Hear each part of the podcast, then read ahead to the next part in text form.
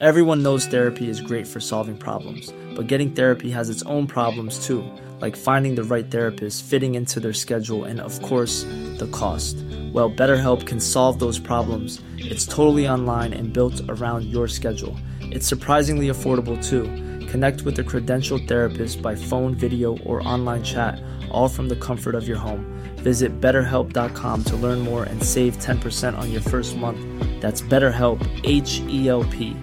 Hey, I'm Ryan Reynolds. Recently, I asked Mint Mobile's legal team if big wireless companies are allowed to raise prices due to inflation. They said yes. And then when I asked if raising prices technically violates those onerous two year contracts, they said, What the f are you talking about, you insane Hollywood ass? So to recap, we're cutting the price of Mint Unlimited from $30 a month to just $15 a month. Give it a try at mintmobile.com slash switch. $45 upfront for three months plus taxes and fees. Promo for new customers for limited time. Unlimited more than 40 gigabytes per month. Slows. Full terms at mintmobile.com. Britta, tar du igen kulturkonsumtion nu under sommaren? Eller hur blir det? Ehm, ja, lite grann. Det har mest att göra med att jag har lärt mina barn att somna eh, vid rimlig tid Ja. på kvällarna. Men Ja. alltså, det, fan vad det är tråkigt att jag hela tiden ska prata om barn. Men eh, det Men är och så... att det byggs upp ett förakt mot de här barnen. Jag måste varna för det. Hörni där ute, sluta hata Brittas barn. Osunt. Men det är- Sunkigt alltså- beteende. Men alltså jag har ju mina jättefula tricks som att jag ligger och lyssnar på bok och sådär när, de, när jag Ja, ligger bredvid dem och de ska sova. Men det Ja. har väl ingen dött av, väl? Så länge jag hör att de andas och så vidare. Jag har ju börjat läsa Rushdas eh, boktips The Farm. Ja, Krosta. vilken underbar grej att få ett så kvalitativt tips. Det, så det kan jag verkligen rekommendera. Det är alltså en slags eh, Handmaid's Tale-ish saga, fast det är såklart sin egen bok, eh, men skriven av Joan Ramos. Rosta sålde verkligen in den boken på mig, så lyssna på det avsnittet om ni vill höra varför hon tycker att man ska läsa den. Och jag ser att folk postar febrilt under hashtag BP bokklubb. Så jag misstänker att det är väldigt, väldigt många som nu ska läsa dagarna igenom. Även jag njuter så mycket av den här tiden. Ehm, jag har förälskat mig fullständigt i en människa som heter Samantha Irby. Och folk har Ja! kanske väntat på, när ska hon prata om henne? När ska hon prata om hur Ja, de gjorde men den, eh, jag, har, jag har läst eh, Samantha Irby. Det var lite tidigare i vår... Har jag glömt att ta upp det? Ja, det är ju... Men en- perfekt då för oss. Alltså det är en kvinna som är essäernas drottning. En samtida Nora Ephron. En samtida, jag vet inte, hon sätter fingret på allt det skaviga och hysteriskt roliga. Och är så välformulerad och blixtrande skarp. Avgudar henne. Eh, nu läser jag hennes We are never meeting in real life. Som bara hundra sidor in har haft några av de mest sårbara, drastiska situationerna jag har läst tror jag. Perfekt beskrivna. Och eh, en present till er här i sommar, ångesten kring kropp och ideal och strand och sådär. Är hur hon vid något tillfälle beskriver att ha en kropp. I den här, i en av essäerna. Hon kallar kroppen för Amiri Pre-Corpse. Ja. Alltså ett... Ett förlik. förlik. Ett köttigt förlik. En god påminnelse om vad kroppen är till för och hur länge vi har den till, eh, till vår hjälp att ta oss runt och njuta av saker. Så lägg av med det om ni håller på ångest för celluliter eller bristningar eller vikt eller vad det nu är. Det är ett, det är ett fucking meaty pre-corpse. Okej? Jag har läst hennes bok Wow, no thank you. Och det Ja. tycker jag, här, om man undrar något om Samantha Irby så kan man bara säga, hon har skrivit en bok som heter Wow, no thank you. Och det säger så jävla mycket. Vad ska min bok heta då? Ja, Hur ska jag kunna nu skriva en bok nu tagit när den den. är... Ja. ja, men så extremt tacksam för henne. Alltså jag känner att det är min nya bästa vän och eh, det är ju det böcker ger oss va. Och förutom då att vi bjuder på sommarläsning bjuder vi på sommarlyssning en masse den här sommaren. Vi har ju våra så kallade drömgäster. Vi kallar det för sommarintervjuer, men det är ju de hjärnor som vi helst vill dyka in i just nu. det är en det. Och så fick vi otrolig... det. Och så fick vi det.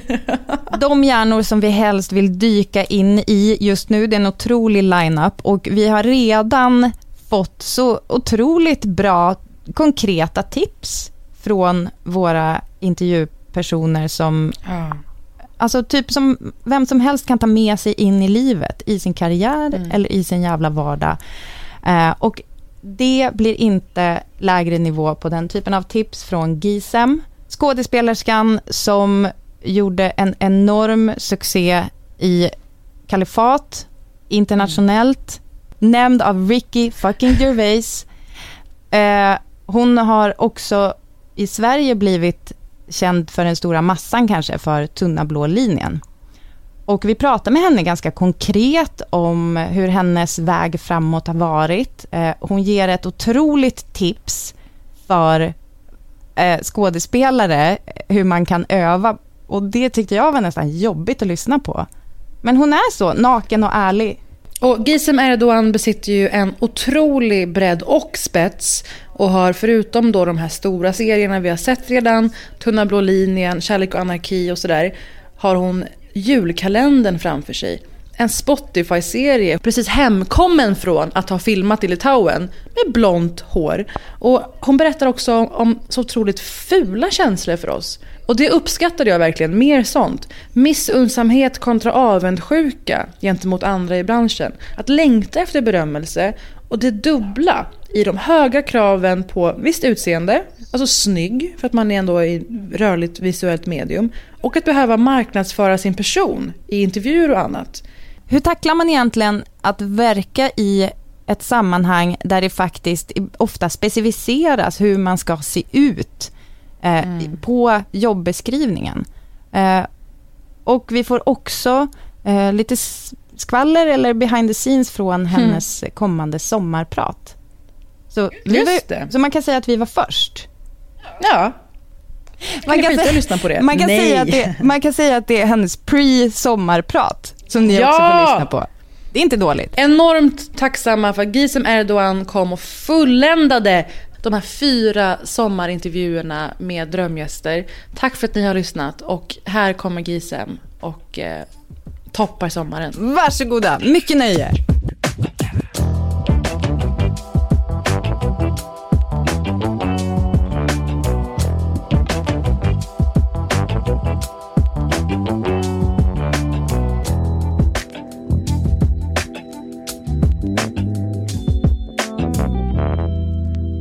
Eh, vi skulle vara här 14.00 och du svarar så här lite lojt. Hej Parisa, hur är läget? Som att jag bara ringer och allmänt myser, myser med dig. Och jag försöker hinta lite om att, ja men eh, den är 14, 15. Var, var är du?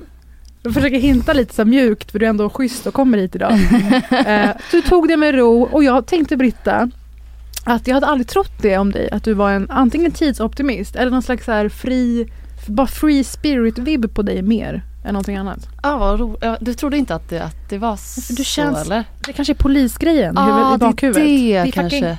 Hårda raka Nej men det här, hände, det här hände ju mig. Jag trodde att du ringde och var så här, Mm. kanske ville, att du kanske var i kransen och vi skulle fika typ eller någonting. Men, men jag fattade också efter en stund ju att, eh, ja jag är ledsen att jag var så. Det ringde en. Men jo men jag är nog lite så ändå free spirit. Älskar det. Och har blivit mer kanske de senaste åren. Det är en viktig Men jag, pusselbit. mina, och det kanske är det. Mm. Jag spelar nog lite ofta sådana roller som är så här sharp typ. Jo, men inte bara det. Det är ju också att du känns ju extremt påläst Mm. inför roller.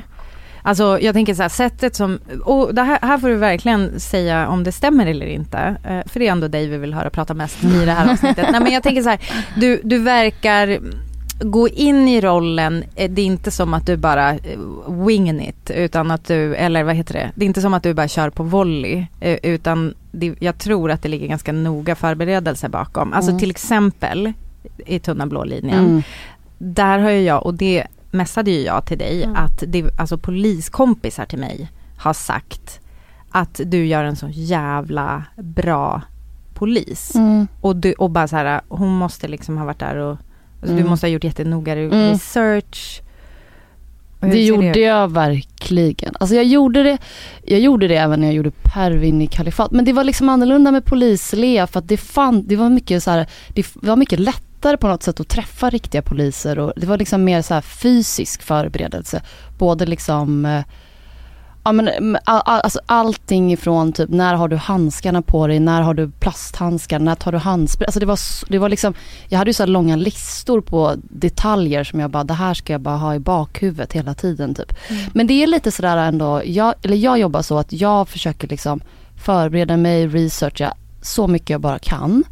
Och sen på sätt bara släppa allt.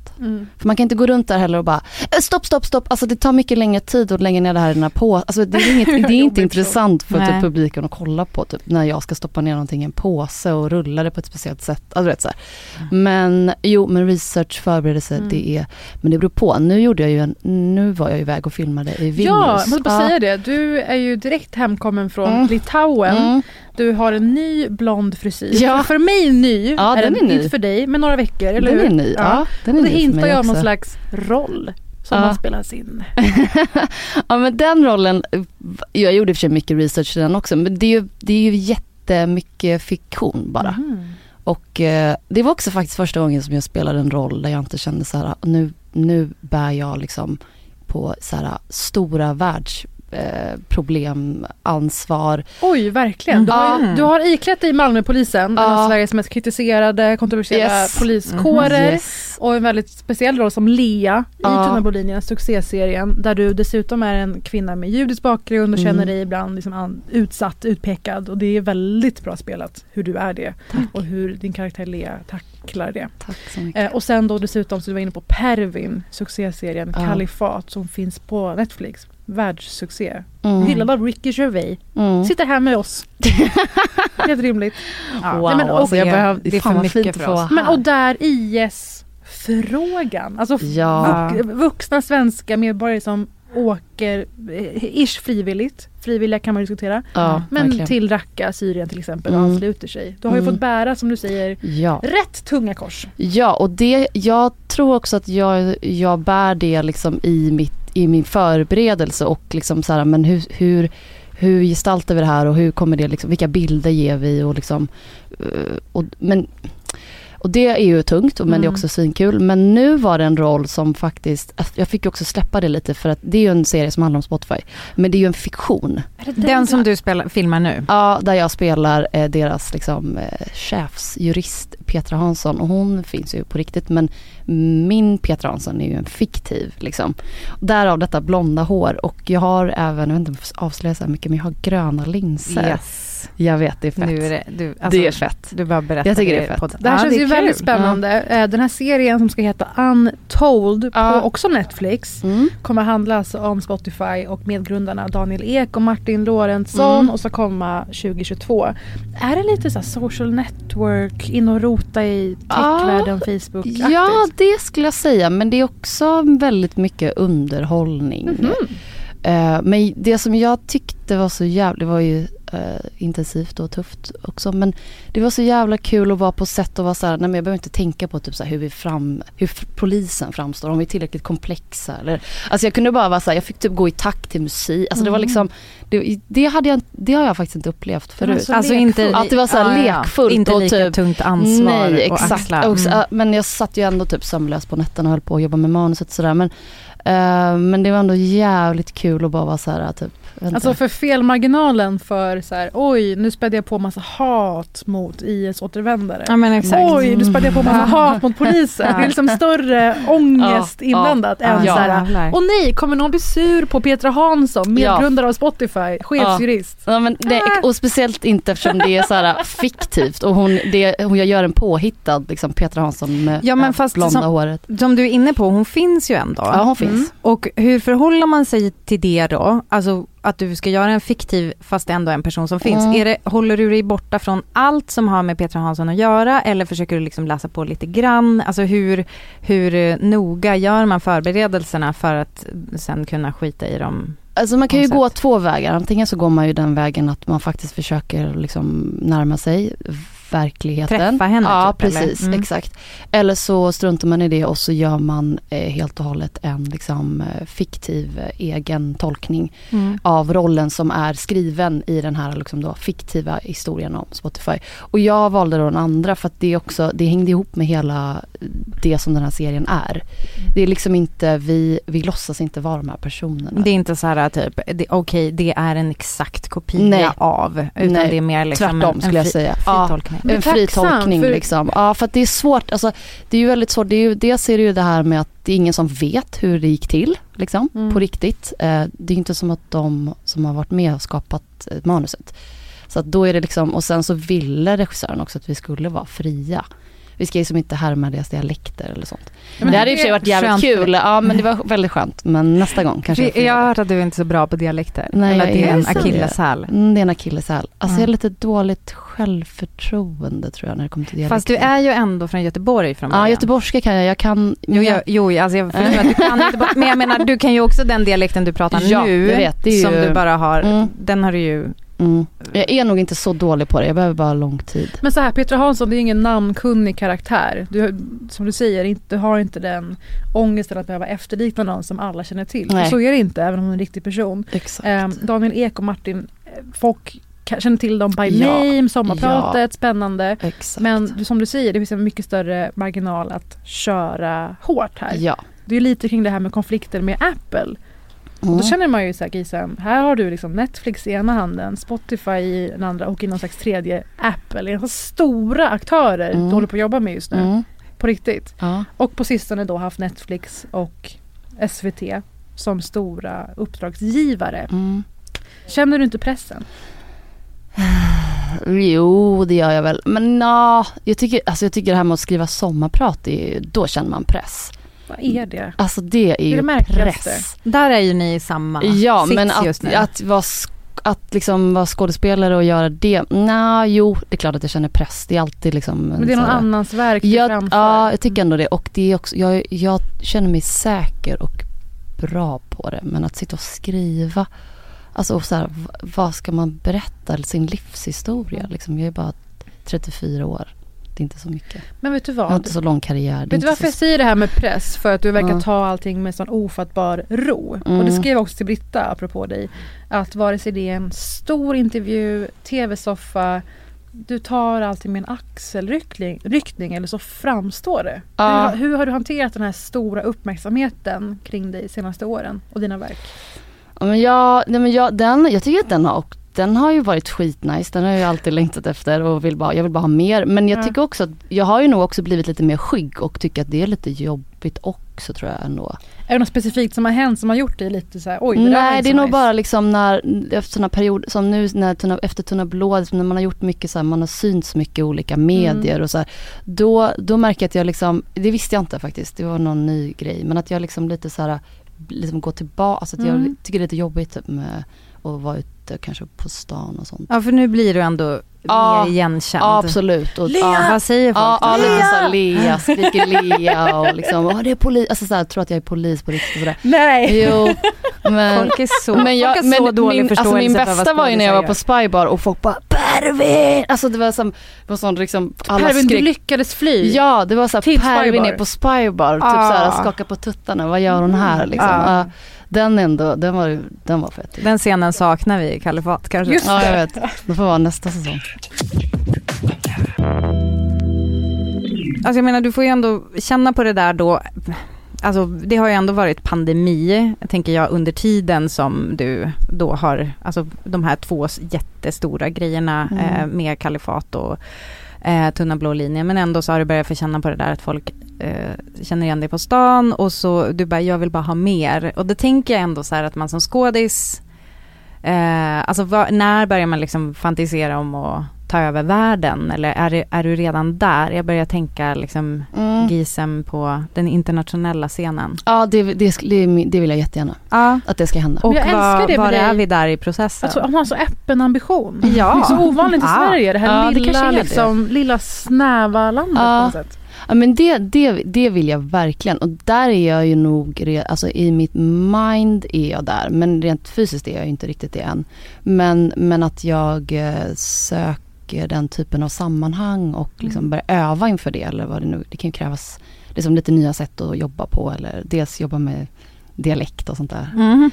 Eller Men- gröna linser. Ja, gröna linser och liksom typ, jag vet inte, tänka annorlunda kring fashion kanske. Nej jag vet Mm. inte. Men, men i alla fall så, ja jag, jag vill jättegärna jobba utanför Sverige. Det är Men det enda jag vill just nu faktiskt. Ja men jag är så fan det är så jävla härligt att du säger det Ja. rakt ut. Ja, och vad är då, ja men nu när du säger så här, börjar, börjar jag tänka annorlunda med fashion och hur, alltså påverkar det då eh, dina val just nu? För det kanske också, alltså jag tänker att när man har sin, ehm, sin liksom pers, person som, eh, vad ska man säga, som arbetsverktyg.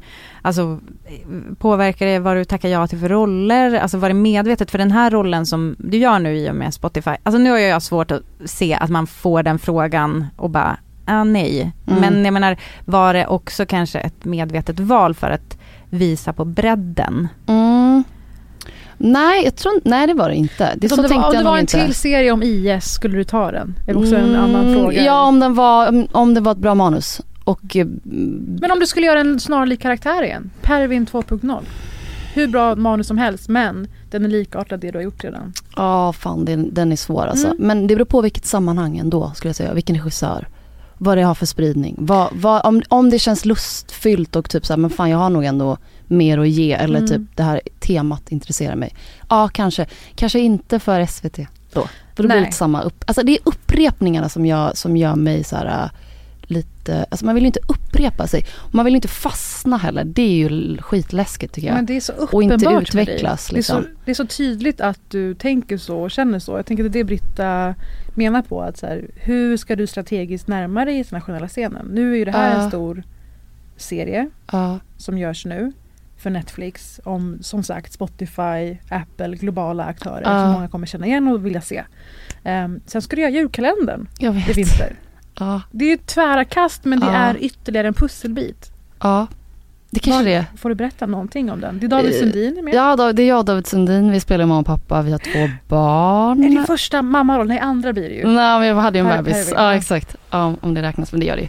Eh, ja, men vi är ju en, eh, en tjuvfamilj som eh, stjäl saker. eh, Det är det vi gör typ. Och eh, vår dotter är liksom eh, sån, vad säger man, A-barn. Hon gör precis som vi vill och hon är jättefin liksom. Knyck, knyckare eller tjuv. Och, men våran son, det, är där vi har liksom lite där, i alla fall för mig då, mamma Fia, det, det finns ett stort problem där för att han vill kanske inte gå i föräldrarnas fotspår. Mm. Och då uppstår det liksom eh, Drama. Alltså hur spännande premiss. Ja, men, Ja, jag hoppas jag det. läser Jag den här boken just nu Ja, för, det? för Ja. min dotter. Ja, verkligen. Åh, vad ja, Alltså familjen Hur gammal är hon? Hon är fem, hon Ja. kanske är lite för liten. Nej, det tycker jag inte. Men börjar komma in i det där liksom, att man kan hantera en lite större plott eller vad man ska Mm, säga. just det, just det. Mm. Eh, I berättelser det blir så tydligt liksom vid vilka åldrar som man eh, kan hantera. Eh, Mm. men ja, precis. ehm, och jag tänker att det är ju, det är ju ganska kul för det är ju en ganska ovan kv- kvinnoroll. Ja, det är det verkligen. Det var också ganska, det skojade jag ganska mycket om på inspelning. Typ alla kommer hata mig för att jag är så här lite el, elak kanske är ett starkt ord men lite så här Ja, men inte så bra omammig. morsa. Ja. eller man ska säga, alltså enligt normen Mm. omammig liksom. Eh, men det var också helt fantastiskt att spela henne. Men jag var ju typ såhär, bara, kan inte hon bara vara lite snäll på typ julaftonsavsnitt i alla fall. Så inte jag så här, alla, alltså att alla hatar mig på ICA i mellandagarna. Alltså jag pallar inte riktigt gå på ICA och bara, folk bara, Nej men då är du i elaka." LA ändå, jag. tänkte det. Ja. Men gud vad spännande. Ja, vad spännande att du måste lägga in det ändå. Jag Ja men det är- var liksom en, en rädsla var det faktiskt, Mm. på riktigt en För nu har rädsla. du gjort Även om jag några. skojade om det. Ja. Alltså nu pratar vi Lea, Malmöpolisen. Mm. Alltså Pervin är ju kontroversiell bara för att hon befinner sig i Raqqa Mm. med sin IS-man. Men Mm. då är vissa så här, allt hon gör, ja men då är hon okej ändå. Ja, Hur det exakt. slutar. Ja. Men då Malmöpolisen, du är väldigt anti det här gubbväldet. Mm. Du blir straffad för det. Eh, Du försöker föra fram en annan fråga. Och sen, där är du ganska sträv ändå. Mm. Kärlek och anarki, där spelar du någon slags eh, söderfeminazi, klittpick. Alltså det är väldigt roligt. Du äger hu- humoristiska greppet där också verkligen. Vad Men det är en sträv karaktär. det. Ändå. Ja det är det Så jag verkligen. förstår att du nu har börjat fundera på, det här är så jävla tragiskt att du ens behöver göra det, likability Ja. genom dina roller. Ja. Märker du av att folk applicera det på dig som person också? Nej, det skulle jag nog ändå säga. Det känns ändå som att folk Mm. liksom, eh, vad säger man, empatiserar, sympatiserar kanske heter på svenska, med de här rollerna ändå. Eh, eh, det- men just med Pervin var ändå så här, liksom, hon var väl någon slags hjältinna ja, typ. verkligen. Eller, eller så. Ja. Men, men det är nog mer att jag är så lite orolig. Typ, om Mhm. att jag är orolig för att det ska bli så endimensionellt och att man inte ska kunna ta till sig rollen. Mm. Och då är jag alltid rädd för att om hon är liksom lite så här hård och elak eller så här, nu använder jag ord som är så här väldigt liksom, det är ju aldrig så enkelt Mm. liksom men då tror jag alltid att jag är rädd för att man inte ska kunna ta till sig de här olika kvinnorna. För det är nästan som i livet typ, att man är alltid rädd för att vara så här en arg kvinna att den, fast man är, kanske är det ganska ofta eller någonting. Eller så här, det, det är väl inte så konstigt om man är det eh, Mm. med tanke på livet. Men Exakt, det är, ja, på alltså livet, ja, exakt. Nej, men Men det, är nog, jag är nog liksom lite rädd för det men samtidigt eh, fast det låter ju som nu när du säger det, då tänker jag så här att det låter mer som att det du är rädd för är platta karaktärer. Mm. Alltså som inte har så många dimensioner som vi ändå vet att de flesta människor exakt. Mm. Eh, alltså ofta pratar ju vi om så här bra berättelser och bra skrivna karaktärer är ju ofta de som man inte, eh, liksom den är inte bara ond eller bara god Exakt. utan att det finns eh, dimensioner och då undrar jag hur man som skådespelare, för där, där ska man ju ändå vara ett verktyg eller vad ska man säga, själva kärlet för manusförfattaren och regissörens visioner. Mm. Hur mycket har du, om du får ett manus i handen som du tycker är Alltså här, ja, jag gillar manus i stort men den här karaktären som jag nu ska spela, den är, alltså så här, i den Mm. här situationen så känner jag bara att hon, det känns för, för ett A. Mm. Kan, kan man ha det snacket eh, som skådis? Ha, känner du att du har den Ja, makten? Ja. ja det tycker jag. Och jag makt- tar den, Ja, jag precis, tar jag tänkte- det. Ja. mm, jag tror att det är olika men jag tar det och jag har definitivt börjat göra det sen, alltså jag skulle nog säga att det var liksom jag gjorde ju en, eh, jag gjorde en film med Rojda Şekersöz, Dröm vidare och där tror jag att jag dels lärde mig, mm, ganska, jag lärde mig jättemycket av henne och av de andra skådespelarna. Men också det sättet att jobba på, att man som skådespelare ändå kan få tycka saker och Mm. faktiskt att vi också kan saker som vi kan bidra med. Och där blev vi lyssnade eh, på av bland annat Rojda. Och då tänkte jag så ah fett, man kan ju jobba så här liksom. För då satt vi liksom på kvällarna och pratade jättemycket om olika situationer. Där bland annat där tjejgänget tyckte vi var som Mm. en person. Men de är ju tre olika personer, de som är liksom bästa kompisarna till huvudkaraktären som Evin Ahmad spelar. Eh, och då tänkte jag så, ah, okej. och jag tror att det, jag har inte tänkt på det, det är nästan som att det slår mig nu, men att det kanske skapar, jo jag har tänkt på det lite, men, men att det skapar ett sätt att jobba på, som jag sen haft med mig. Och sen så, det handlar ju om vilken regissör du jobbar med också. Jag har ju haft den ynnesten att jag jobbat med regissörer som har lyssnat.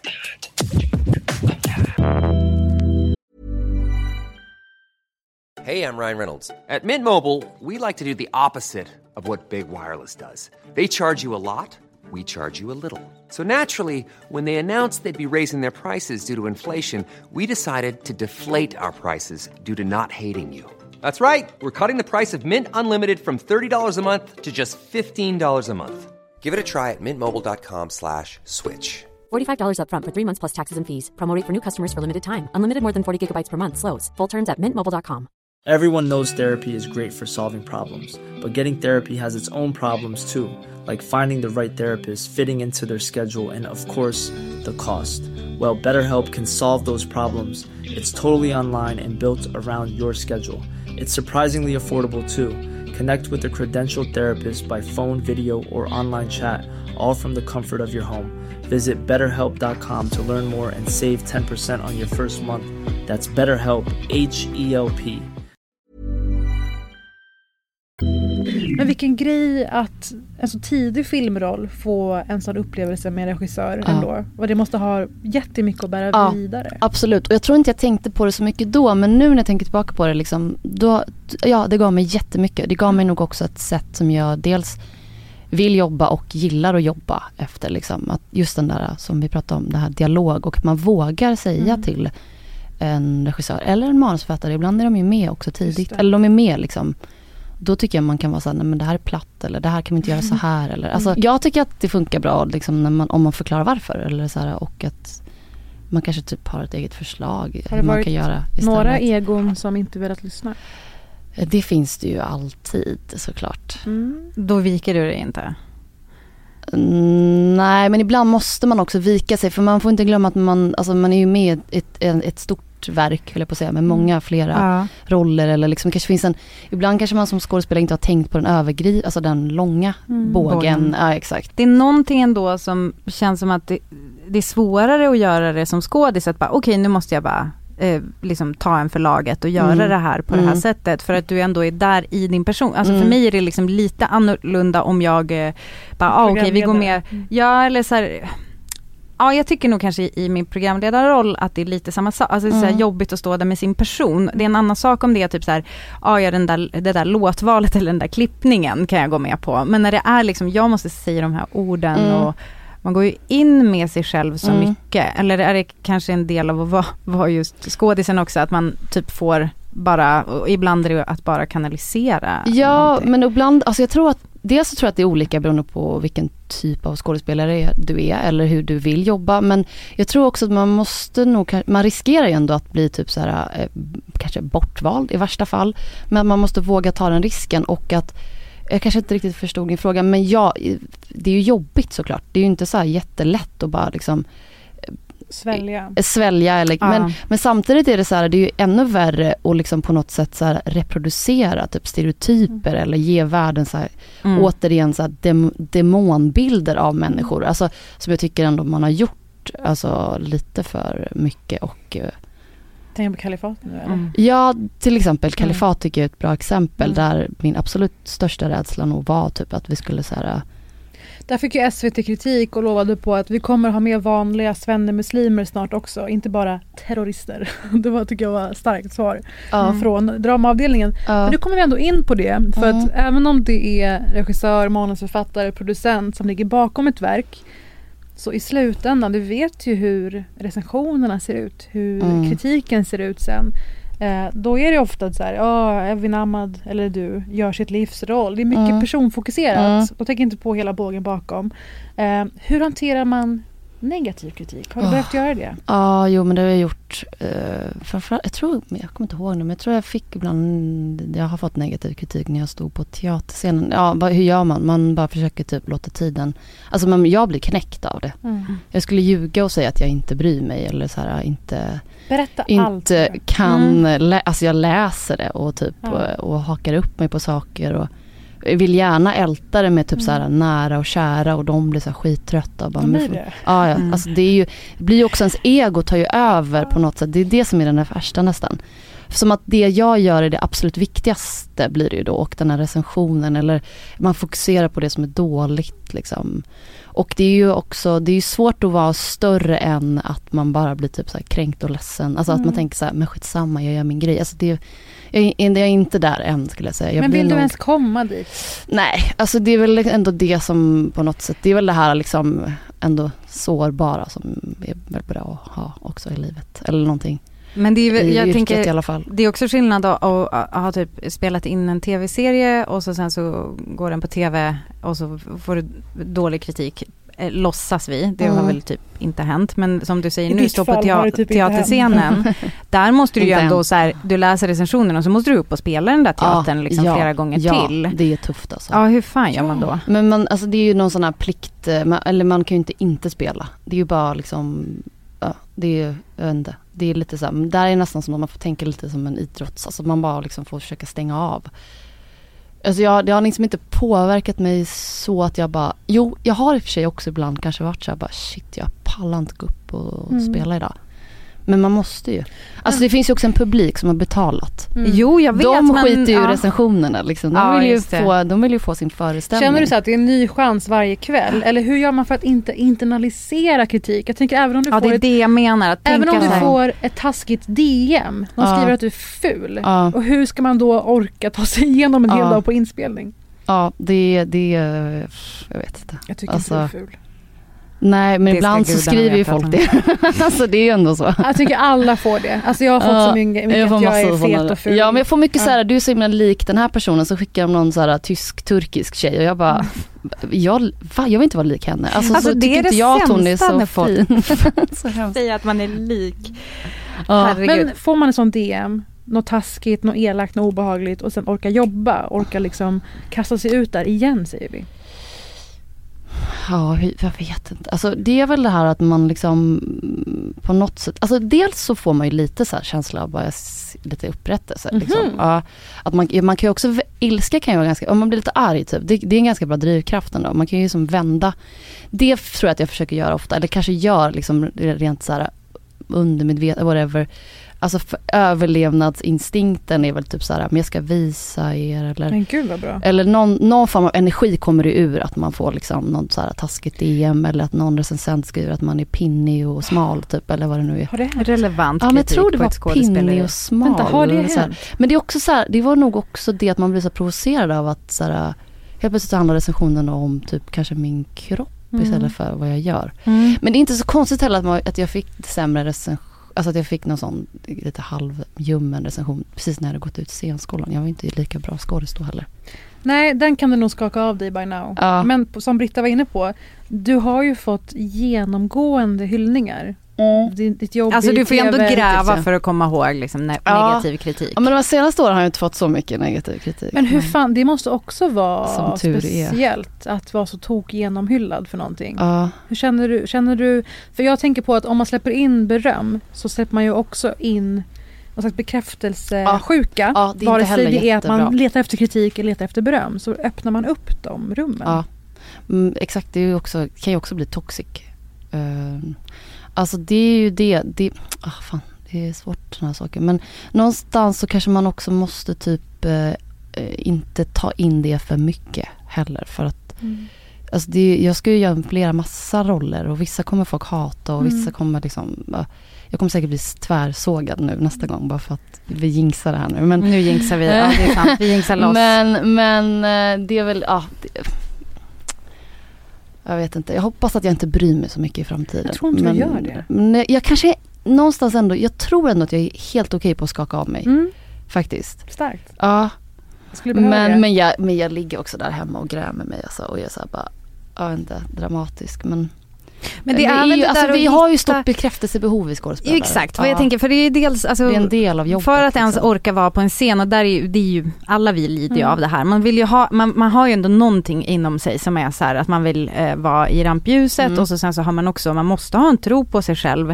Eh, för att annars så skulle Ja. man aldrig orka leva eh, med det yrkesvalet eller vad man ska säga. Men samt, och samtidigt så tänker jag att det där sårbara och så nära till känslorna, det är ju en sån där grej som jag tänker att som skådespelare är ju det också en, en tillgång. Mm.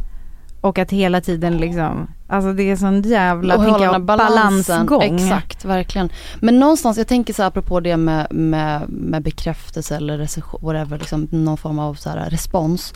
Att jag vill ju gärna allt, att allting jag gör ska bli svinbra. Mm. Vissa skådespelare har jag liksom hört eller liksom, de är, de är kanske inte så intresserade av resultat. Alltså de är inte så här, bara, nej men det blir som det blir. Mm. Men för mig är det skitviktigt att det blir bra. Är det Björn Kjellman eller? Jag vet inte. Du har jobbat med ganska stora, Ja. roliga namn. Ja, spretiga namn faktiskt. verkligen. Ja. Från David Sundin till Björn Ja. Kjellman. Det är inte dåligt. Ehm, får man fråga vem du har haft mest oväntat bra G med? Ur dessa olika caster. Oväntat, jag vet inte men det kanske, mm, jag har nog haft ganska bra med äldre, och även med eh, den äldre generationen skådespelare. Eh, som man kanske tänker att man egentligen inte har någonting kanske direkt gemensamt men så visar det sig att man har skitmycket gemensamt och att jag har också lärt mig jättemycket av, ja men typ som uh, Åke Lundqvist som jag jobbar med på Stadsteatern här i Stockholm Mm. och, och Reine Brynolfsson som jag jobbar med. Reine! Det var den jag Ja. tänkte på! Ja. Stark Ja. roll i Kärlek och anarki. Så Ja. jävla bra. Ja men vi kommer väl kanske, ja jag vet inte. Ja, ja, vi, kommer, vi kommer från olika världar När men har vi samma. en hel kväll med Men, ja, men ja, det skulle ju vara fantastiskt. Jag är ju, vi ska ju göra en till säsong. Jag är väl peppad på att träffa Jaha. hela gänget. Ja, Ida och, och Ja. Reine och Lisa som regisserar. Och Ida, Reine och Lisa. Och, Och och gänget. Det är det är en fantastisk ensemble. Men jag blir nyfiken på um, GISM i Göteborg eh, som sen tar sig eh, till scenskolan i Malmö på andra försöket. Mm. Eh, en utbildning som många söker typ 10-15 gånger till säkert. Kanske ändå aldrig kommer in. Mm. Hur var det? Hur såg det ut? Var började du någonstans? När vågade du börja drömma om det? med teater och Mhm. skådespeleri. Men det, det har jag nog drömt om sen jag var liten. Alltså riktigt liten, kanske typ så här 8, 9. Alltså jag tänker på de här grejerna jättemycket nu när jag skriver sommarprat. Men det började tidigt. Eh, men när jag väl vågade, det var ju mycket senare än vad jag har tänkt att jag... Mm. Alltså det, det var ju i, i liksom, när jag var typ 21. Jag bodde i Köpenhamn och pluggade på, jag läste naturbasår för jag skulle bli Jaha. läkare. Perfekt. Mm, såklart. Classic. Perfekt. Eh, men det var ju någon slags idé om eh, det så perfekta yrket liksom. Eh, Ja men det är så här tryggt och bra betalt. Och Nöjda rädd- föräldrar. Ja, nö- framförallt nöjda föräldrar. Mm. Men, men det, det hoppade jag av, alltså precis liksom när jag höll på att bli klar där. Men Är det sant? ja, och då sökte jag, då gick jag en eh, performance-skola. Den var väldigt... Men det eh, vaknar man inte och bara gör en dag? Nej men jag Alltså vet- vänta nu, ja. vad fick det att så här, nu hoppar jag av min utbildning och går i, rakt in på en performance-skola. Vad var liksom Vänta, det start? låter, ursäkta, när du säger performance då tänker jag meme. Ja. Ja, det var... Mimare alltså. Nej men det var liksom, åt, inte riktigt mimare men det var verkligen performance. Alltså det var, det var, Flum. det var det. Jag vill inte använda det ordet men det var det. Ja. vad, var, alltså- vad var startskottet? Det avgörande? Ska alltså, du inte Parisa, ta... jag vet inte. Det är det här jag håller på att liksom försöka komma fram till. Alltså det, det finns ju inte ett startskott. Men det finns ju många händelser. Eller så, Mm. ah, okej. Så tror jag. Mm. Alltså det är det jag sitter och funderar på nu på Finns det- månaderna när jag sitter Som och det puttar dig framåt Ja, liksom. Och att det i... typ förr eller senare så kommer det ikapp. Liksom. Mm. Alltså, när jag tänker på Köpenhamn, alltså då, det, då kommer jag ihåg att jag bodde med en kompis Mm. som gick en sån teaterförberedande skola. Och jag var liksom jätteavundsjuk på att hon gjorde det och var typ lite elak mot henne. Alltså var så här, jag var liksom lite så här, alltså, Ja. nu i efterhand så bara, fan jag var ju så taskig mot henne för att jag var avundsjuk för att hon gjorde det som jag ville göra. Och så någonstans där tror jag att den liksom kanske lite så avundsjukan och ilskan eller vad det var som Var liksom, talande. Ja, Mm. då, och då var jag bara såhär, nej men nu, nu skiter jag i det här jävla basåret. Men det, alltså det är klart att jag, att det finns en massa sådana här klassiska typ, jag hade ju också typ att jag lekte teater Mm. eh, när jag var liten på ett sätt för publik som var liksom min mormor och hennes eh, grannar och så här. Mm. Det, alltså det finns massa olika sådana händelser eh, från då Högsbo till eh, nu. Vad var det för någonting de fick se? De fick se när jag gjorde så, jag, alltså jag drev och gjorde sketcher med deras män och så här, de här gubbarna. Oh! ja, det Vill var, se. Alltså, ja, det var kul. Det var tror jag, inte för dem. svagt. Ja, Ja. Men, eh, men det, också, det kom kanske ur en rastlöshet och en tristess och liksom. Mm. Alltså man vet inte, man, man hittar ju på olika lekar när man är liten för, för, och målet är ju bara liksom att man ska leka typ. Det var det upprörd stämning hemma när du ringer och säger det blir ingenting med läkare. Jag går performance nu. Det är flum, det är flum på heltid nu. Idag har jag lärt mig vara en perfekt spegel till en av mina Jag, kursare. idag har jag varit ett löv hela Ja, dagen. ja. Ja, typ sådana grejer gjorde vi. Men eh, nej det var inte så upprörd stämning faktiskt. Det Mhm, var det de, sant? ja men de har du fattat för länge sedan. De bara, det vi, vi satt, vi led igenom de där upp, teateruppsättningarna. Ja, ja jag hade gått spelades. såhär, exakt jag hade gått någon sån här teater på högstadiet och Ja. det, alltid när det var så här tillval, estetiskt tillval och sånt, valde jag alltid teater så de, det var faktiskt inte det. Men Såg de var det så här, komma. ja men det var mer typ så här, ja, men om du ska göra det så gör du det fullt ut liksom. Mm. Ja, mer så. Kudos. Ja, Men då undrar jag, för du sa nyss att du har längtat efter den här uppmärksamheten. För det är en catch-up-effekt måste man ju säga. Och så brukar det ju vara. För du har ju Mm. slitit som Mm. ett djur sen Mm. du gick ut scenskolan. Mm. När du längtar efter den här uppmärksamheten och den här maktpositionen du ändå är Ja. nu måste vi säga. ja, Var det så att du kände vid någon punkt att det bara tröskar på, du står och stampar, det blir ingenting? Ja men så kunde jag känna och jag vet att när jag, när jag jobbade på Göteborgs stadsteater och var inte så nöjd med min tillvaro Mm. Och jag var så här, ja, men då, jo för då, jo, då var jag liksom lite typ ledsen och kände Mm. mig misslyckad och bara Mm. och det så tog jag ju tjänstledigt fast jag inte visste vad jag skulle göra och flyttade tillbaka hem till Stockholm som jag numera Mm. kallar det. Men ja, och jag har ju, alltså dels har det sett ut som att jag har liksom också suttit hemma och gjort så här olika typ övat typ och gjort så här, jag vet inte, sett, spelat upp scener. Jag, bara, jag, ska lä- jag måste bli bra på det här för jag har ju också velat, jag var ju, jobbade ju mycket, bara med teater precis när jag gick ut scenskolan Mm. och ville väldigt gärna in i film och tv-världen. Då, dels det men också alla sådana här liksom fantasier som jag har haft. Där ville du ge upp för något tillfälle? Nej jag har aldrig velat ge upp. Jag har inte riktigt haft, jag har inte kommit dit någon gång. Jag kanske gör det. Men ibland så kan det kännas lite hopplöst. Alltså, ibland när det kanske går några månader och man inte har jobbat eller typ att man inte får komma på vissa provfilmningar på grund av eh, ett utseende eller ett efternamn. Alltså den typen av liksom eh, jag har ju ändå upplevt den typen av marginalisering liksom, i castingsammanhang. Exakt. Den är, tyck, har jag tyckt varit, har varit knäckande ibland. Hur, Ja. Vad kan det ha stått på castingkallningen? Alltså det är mer att man har hört kanske så här att de har kallat em, typ kvinnor i min ålder eller liksom eh, och så är det så här varför får inte jag ko-" och så har man kanske hört från andra eh, då regisserade skådespelare. Ja, nej jag har inte heller blivit kallad på den. Och så fattar man så här, okej men den, den, de kallar bara liksom ett visst typ av utseende som då kanske förknippas mer med ett skandinaviskt klassiskt eller så här. Den typen av liksom, det kanske inte är en direkt motgång men det är ett eh, det Hinder. är, ja men ett hinder som man inte har någon, någon liksom kontroll eller makt eh, på ett sätt liksom. Att eh, påverka eller ändra. Det har jag känt har varit hopplöst ibland, verkligen. Men, men vad kan det ha stått också när det faktiskt är ditt utseende som efterfrågas? Till vilka Alltså det har ju, och hur nej men, jag fan, jag kommer inte ihåg, det var liksom ändå, vi har ändå kommit lite längre, vi skriver ju kanske inte riktigt sådana, liksom lite, vad säger man, så här, fattiga beskrivningar av eh, en person man söker, men jag vet inte, kanske någon sån här, ar- jag kommer faktiskt inte ihåg. Men, Orten, förort. ja, typ orten, tjej eller med kaxig attityd, man bara what? Alltså det är så här, ja men abs- alla de där liksom, Apropå vet. platta karaktärer. Ja, exakt det. Men det tycker jag ändå har ändå förändrats en del. Sen Mm. kanske ändå liksom film i Sverige är väldigt vitt, tycker jag fortfarande. Men, Men verkligen, jag tänker, Mm. att, jag tänker att jämförelsegraden, om det är det inom programlederi och sådär, med att folk är lite griniga, bittra mot varandra.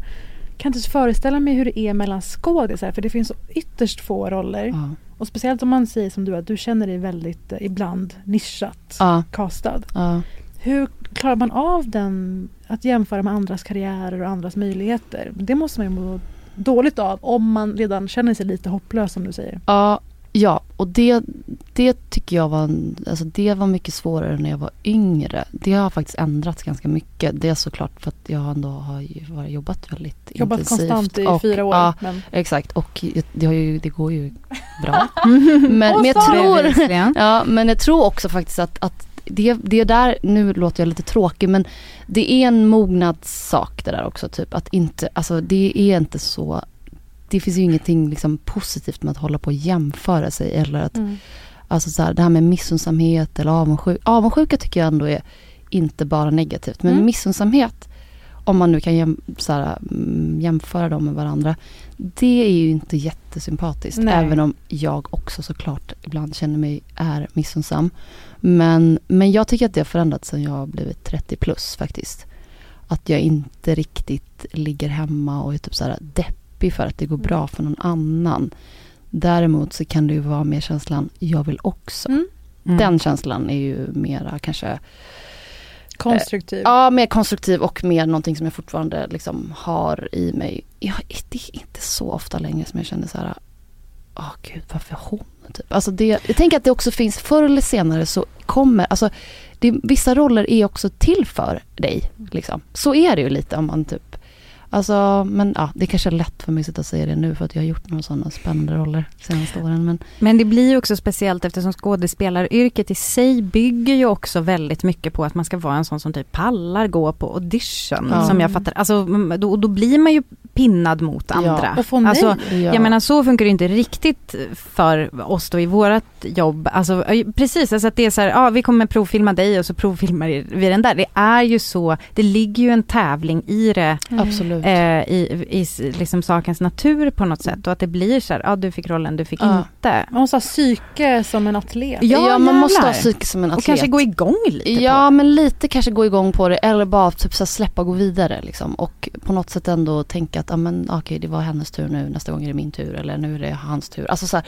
på något sätt så det är det som har blivit bättre med erfarenheten tror jag. Att jag har mycket lättare att släppa saker och typ bara så här, försöka tänka så här, alla har ju sin väg. Mm. Det går liksom inte, du och jag har inte samma väg, vår karriär kommer inte se likadan ut. Mm. Eller så här. Den typen av liksom tankesätt har jag övat upp faktiskt. Har du fått någon hjälp med det? Jag har fått hjälp med det och eh, jag har liksom, det sökt hjälp men också typ, ja, ja men det, det har jag absolut Alltså, övat upp. Professionell som i terapi Ja, eller ja. som att det finns en Ja, skådis? Nej, terapi, vanlig Ja. terapi liksom. Alltså jobba med, alltså så här, jag vet inte, självkänsla och allting.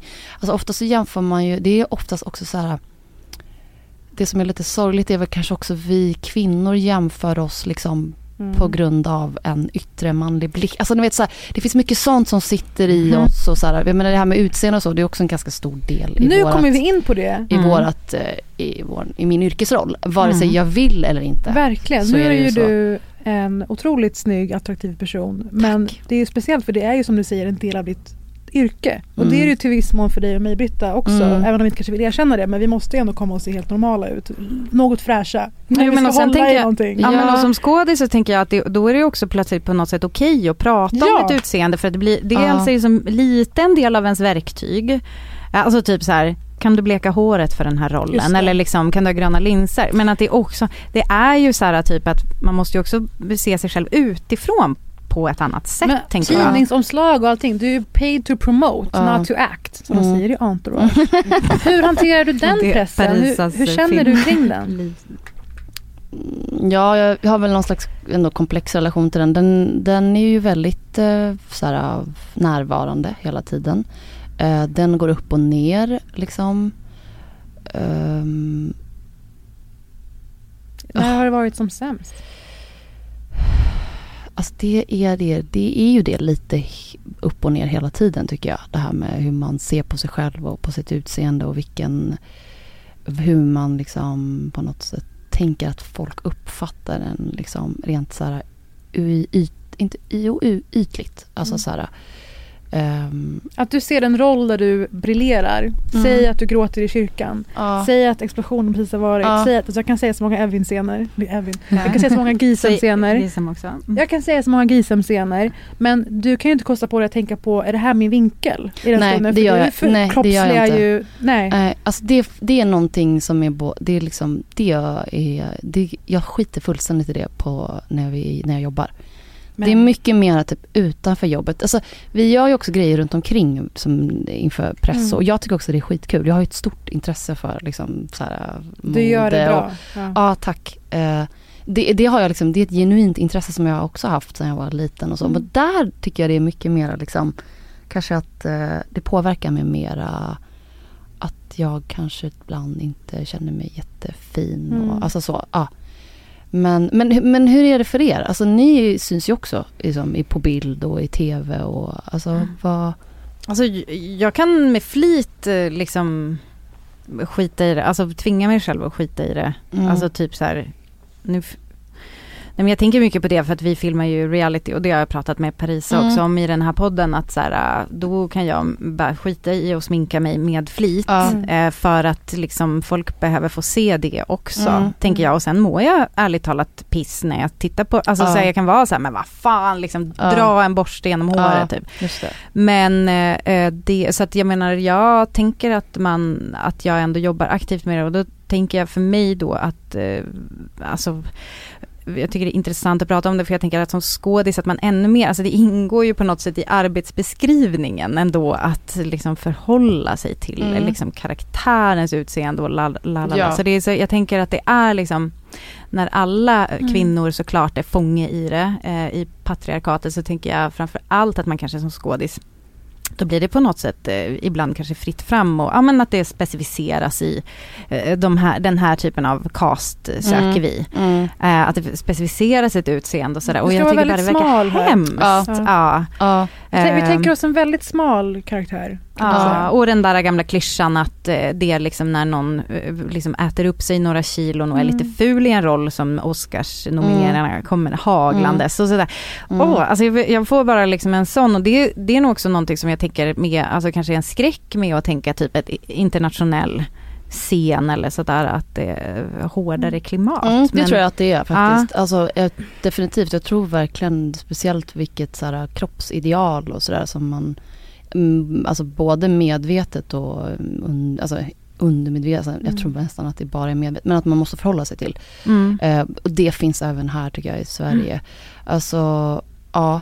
Och mm, på något sätt så, det som jag tycker ändå, mm, som jag verkligen också har jobbat ganska hårt för att inte låta det påverka Mm. mitt liksom, det är ju där det, det konstnärliga arbetet. För där, det är inte, det, alltså det ger dig ingenting på sätt att du håller på att välja vinkel och sånt. Och, alltså jag har också behövt acceptera typ att jag har de här aknären och den här näs, alltså sånt där som jag har haft komplex över typ. Uh, och det är, ju, det är ju verkligen en befrielse. Alltså det är ju, alltså sko- att vara Tvingas acceptera. Ja, för att det- Bootcamp i Ja, acceptans. men all, Ja. all den här förberedelsen som jag gör, typ så med allt där research och allting liksom med typ så närvaro, meditation och det, så full närvaro som krävs när man är på set. Mm. Det skulle vara så jävla sorgligt då om typ helt plötsligt så dyker upp en djävul, liksom, en, gis, en, en av mina djävul, liksom, djävular, säger man så? Och som bara, eh, nu har du valt fel sida typ. Ja, fy Mm, fan. alltså det, det skulle Ja. vara sånt waste of så här, hårt slit och arbete. Så att på något sätt så har jag ändå liksom där, jag, jag vinner alltid i slutändan. Alltså min, liksom, vad ska man säga, det här totala närvaron vinner ändå. Britta och Parisas frågebatteri.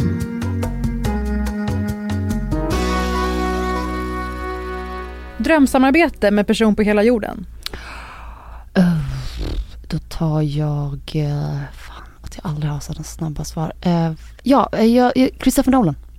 Mhm. Ja, lysande. Ja, fan. Oj, oj, oj. Nu Kör. såg man den filmen framför sig. Gisem, kör. Eh, Ja, eller, eller att jag får göra en film med hon, jag gillar ju Frances McDormand väldigt mycket. ja, Men det är ju du. Att jag och hon spelar Ja, men det är- det är- i samma roll. och Christopher Nolan regisserar. Där har vi det. eller Roger Sekerstus. Ja, Lö- kanske. kanske. Det viktigaste du lärde dig på din snickarkurs som du nyligen gick hemma hos Hanna Hellqvist. Va? Eh, det viktigaste jag lärde mig var att, eh, en, att vå, alltså när man ska såga, att man inte ska fega, man ändå ska våga ta i. Våga liksom. såga. Ja, våga såga helt enkelt. Alternativ karriärfantasi. Har ingen. Det är det här eller inget. Ja, Eller kassan. nej, Inte ens kassan. nej. Det, Ingen jobb någonsin det har jag gjort. Nej men det här eller inget. Men Jag, skri, jag, jag skriver, jag skriver något. Okej. Jag skriver, jag skriver ju bra manus. okej. Smaskigaste DM. Antingen märkligt eller att någon känd glidit in. Um, jag har ju fått sådana här snusk-DM, alltså sådana liksom dickpics och... Alltså, Det har du. Var det ja, från, men det är från eh, liksom bara, Var det från Ricky Gervais? Ja. ja. Var det så han hojtade till? det var så det började. Mm. Ehm, Och sen du bara, intressant, berätta mer. exakt. Eh, när blev du riktigt starstruck senast? Um, ja, men jag blev starstruck, nej, jag, jag blev faktiskt det och typ skämdes lite över det men jag var på en middag och Robin satt bredvid mig. Då blev jag Ja. starstruck. Mm. Ja, Robin det, då blev jag lite så här Robin, Robin med i. Ja. Då blev jag lite chockad över att jag blev så starstruck. Men jag tycker hon är ju asgrym. Ja, och hon är också ganska hemlig. Ja, Men och skitfin och astrevlig och liksom så här, Men jag blev liksom lite, s- jag tyckte att jag blev Stort, lite tycker jag. Vilka mer var den på den här middagen? Ja det var en massa sådana. Första stora kulturbesatthet. Valfritt. Ja det var Titanic-filmen. Alltså jag såg den så många gånger och, jag, och så ville jag att min mormor som inte kan någon svenska skulle Mm. se den och jag satt och översatte varenda liksom, replik och jag var, såg den flera gånger på bio och köpte VHS eller Mm. jag tror det var VHS. Ja jag var ju helt besatt alltså. Varje gång Celine Dion-låten Mm. kom på ZTV så spelade jag in den på VHS. Så att jag hade den så flera gånger så jag kunde sitta och titta på den här musikvideon om och om igen. Utan att, det var ju, det är väl en form av besatthet. Det är Ja. ganska besatt. Ja, jag var väldigt besatt. Om någon lyssnar på det här och så bara, jag älskar Gisem, jag vill ha exakt hennes karriär. Vad har du för tips? Mm, ja, men jag tycker ändå att eh, ett tips är att utbilda sig till skådespelare kan man ju faktiskt göra. Gå scenskolan bland annat. Det finns säkert massa andra bra utbildningar också. Ja men den är ju skitsvår att komma in på. Ja den är svår att komma in på men då kan man ju faktiskt Ta det som ett tecken. eh, men jag tror, jag tror ändå att man också kan bli Man kan också bli skådespelare på andra sätt och till exempel då typ öva hemma. Det har jag gjort massor. Det sa du ju Sitta- innan. ja, Alltså faktiskt på riktigt typ så här, filma sig själv. Göra typ små kortfilmer.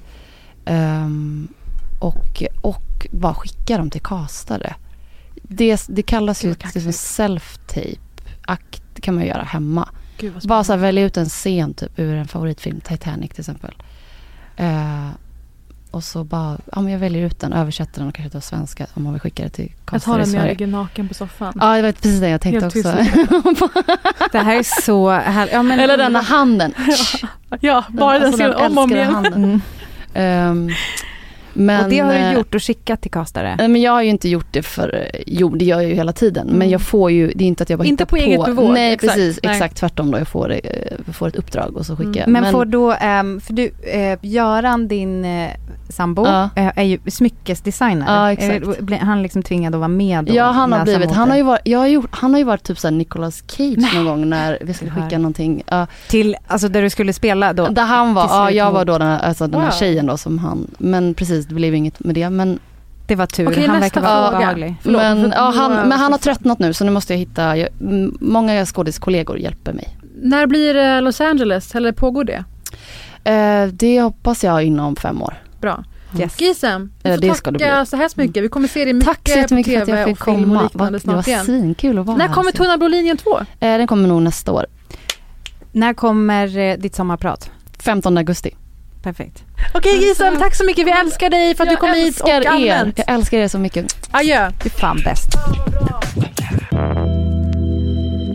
Nästa vecka är du och jag tillbaka i studion. Ja, det känns ju ovant. Men också... Pirrigt eller? Vad ska du ha på dig? Ja, alltså jag vet inte. Helst ingenting tror jag. För att fira. Nu kör vi. Nej men Gisem Erdogan kom och fulländade vår fyra som sagt med sommarintervjuer.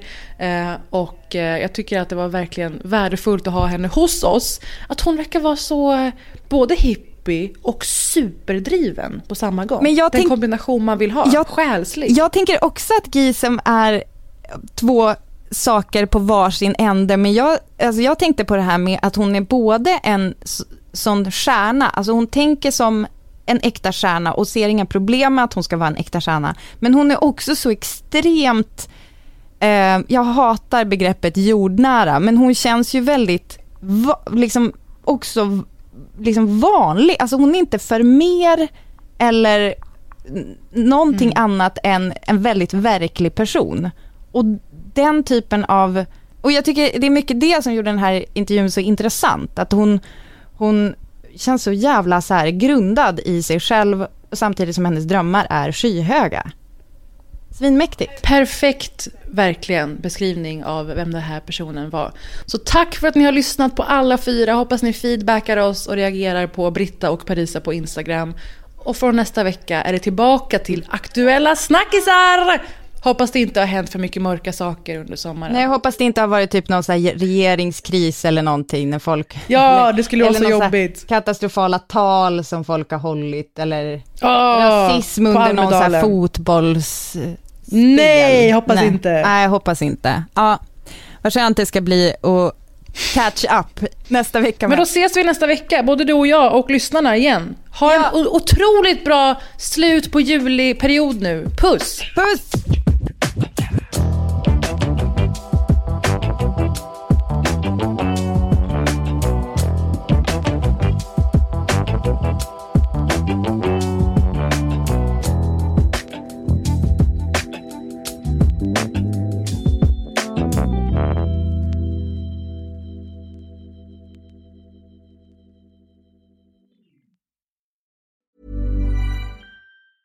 Hey, it's Danny Pellegrino from Everything Iconic.